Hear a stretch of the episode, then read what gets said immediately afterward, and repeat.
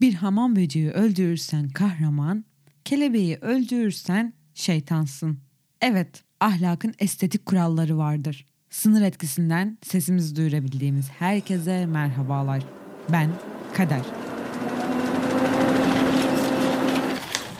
Eine Beledi Podcast.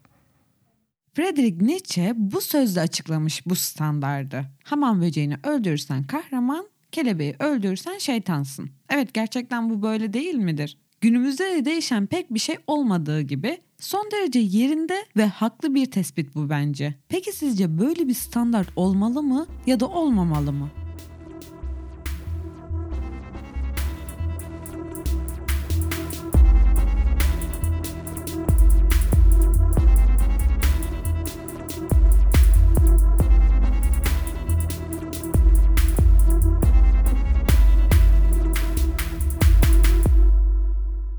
Mesela yakışıklı bir erkek bize mesaj gönderdiğinde kur, çirkin bir erkek mesaj gönderdiğinde taciz olarak yorumlamak bu standarda örnek gösteriliyor.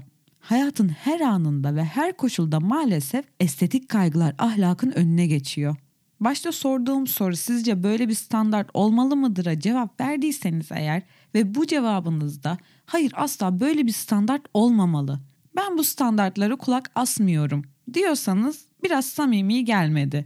Mesela şunu inkar edebilir misiniz? Yakışıklı ya da güzel bir kişinin çabucak iş bulması, bulduğu işte daha hızlı yükselmesi, hayatta genel olarak daha başarılı varsayılması, aslında kısaca bütün kilitli kapıların çok daha kolay açılması ahlakın estetik standartlarına örnek olarak verilebilir. Knight'in yaptığı bu tespiti daha genel bir bağlamda ve günümüz dünyasında ele alacak olursak haklılık payı olduğunu hepimiz görüyoruz bu örneklerle. Hayatın hemen her alanında kimi zaman estetik kaygıların ahlakın önüne geçtiğini görüyoruz.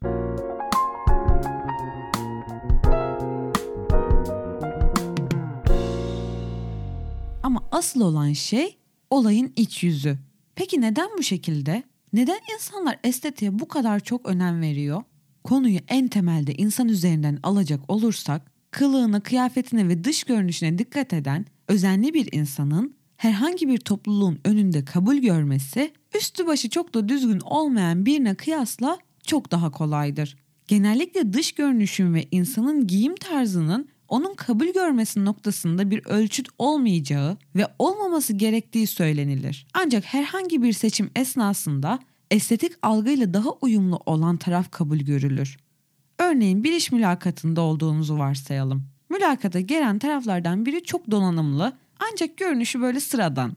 Bir diğer tarafınsa mülakata son derece özenli gelmiş, giyimine, kendi bakımına önem vermiş, hoş birinin hoş.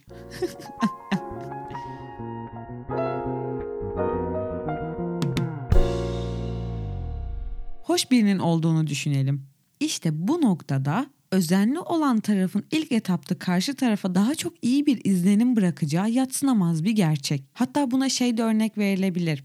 Bir e, ünlü bir sanatçı var yurt dışında. Adamın adını şu an hatırlamıyorum. Adam normalde konser verdiği zaman biletleri milyonlar satılıp pahalı pahalı tabii ki de milyonlar satılıp salon full oluyormuş. Aynı adam bir deney için bir gün metroda çalmaya karar vermiş ve gitmiş metroda çalmış.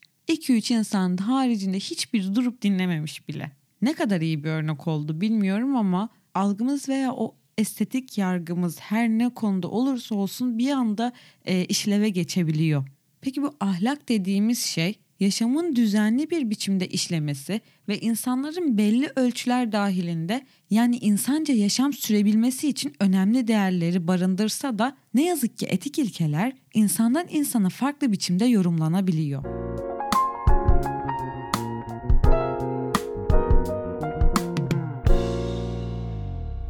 Sebepten dolayı da bir şeylerin karara bağlanması, düşünce süzgecinden geçirilmesi veya kabul görebilmesi için ahlak tek ölçüt olarak konumlandırılmamış.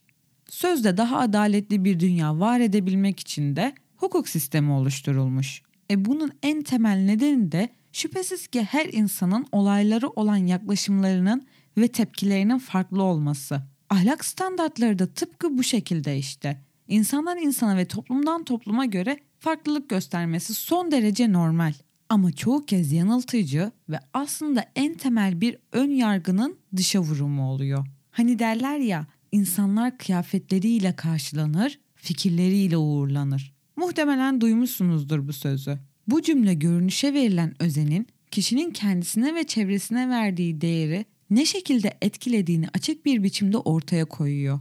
Aynı şekilde sizin de gösterdiğiniz özen bir noktada size verilecek değeri belirliyor. Çünkü insanların bilinç altında kendine değer vermeyen, işine, çevresine, dış dünyasına da değer vermez gibi sınırları çok net bir şekilde biçimlenmiş bir ön yargı yer alıyor. Halbuki fikirlerimiz, eylemlerimiz ve etkilerimizle var oluruz. Giyim kuşamımız, dış görünüşümüz ve elimizde olmayan fiziksel özelliklerimiz herhangi bir biçimde kabul görmek konusunda bir ölçüt olmamalı. Hepiniz bana hak veriyorsunuz. Ben de hak veriyorum ama gerçekte böyle olmuyor.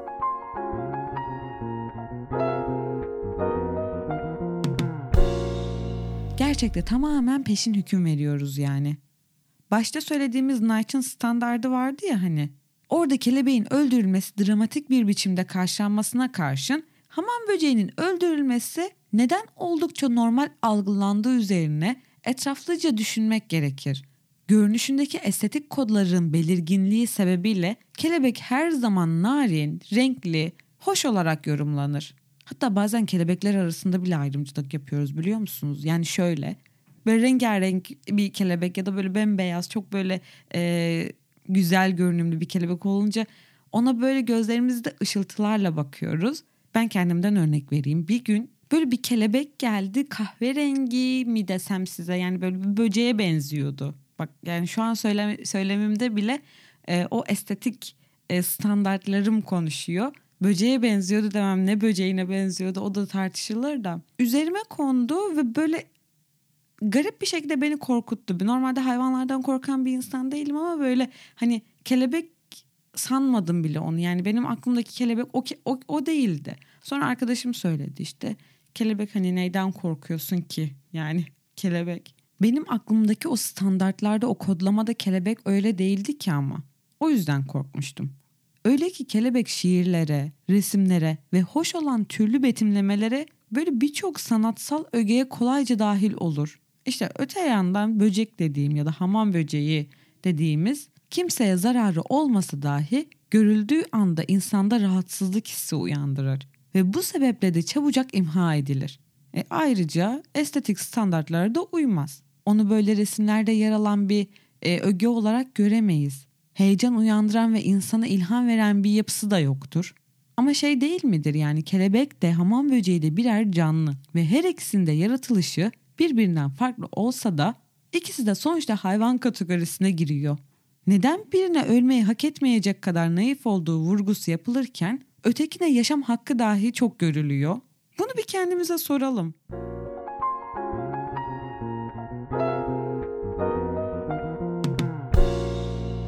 Bu ahlakın estetik standartları sadece hayvanlar üzerinde de çalışmıyor bu beynimizin içinde günlük hayatta yaşadığımız yani birbirimize karşı gördüğümüz olaylara karşı bile o estetik standartları farkında olmadan yaşıyoruz. O artık biz olmuşuz. Bunu değiştirmek çok zor ama bir yerden başlarsak yani devamının da geleceğine inanıyorum. Mesela hamam böceklerini öldürmemekten başlayabiliriz. Aslında bu meselayı daha daha uzatabilirim. Bir listeyi hazırlayabilirim ama siz kendiniz doldurun o listenin altına. Kendi ahlak standartlarınızı oluşturun. Sınır etkisini dinlediniz.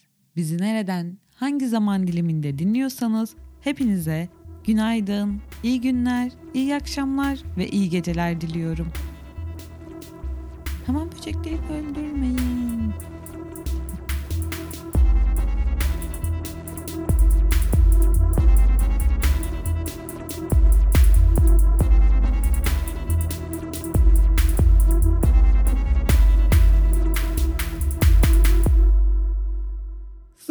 Programını Apple Podcast, Google Podcast, Spotify, Stitcher, SoundCloud platformları üzerinden dinleyebilir ve konu hakkındaki görüşlerinizi bize iletebilirsiniz.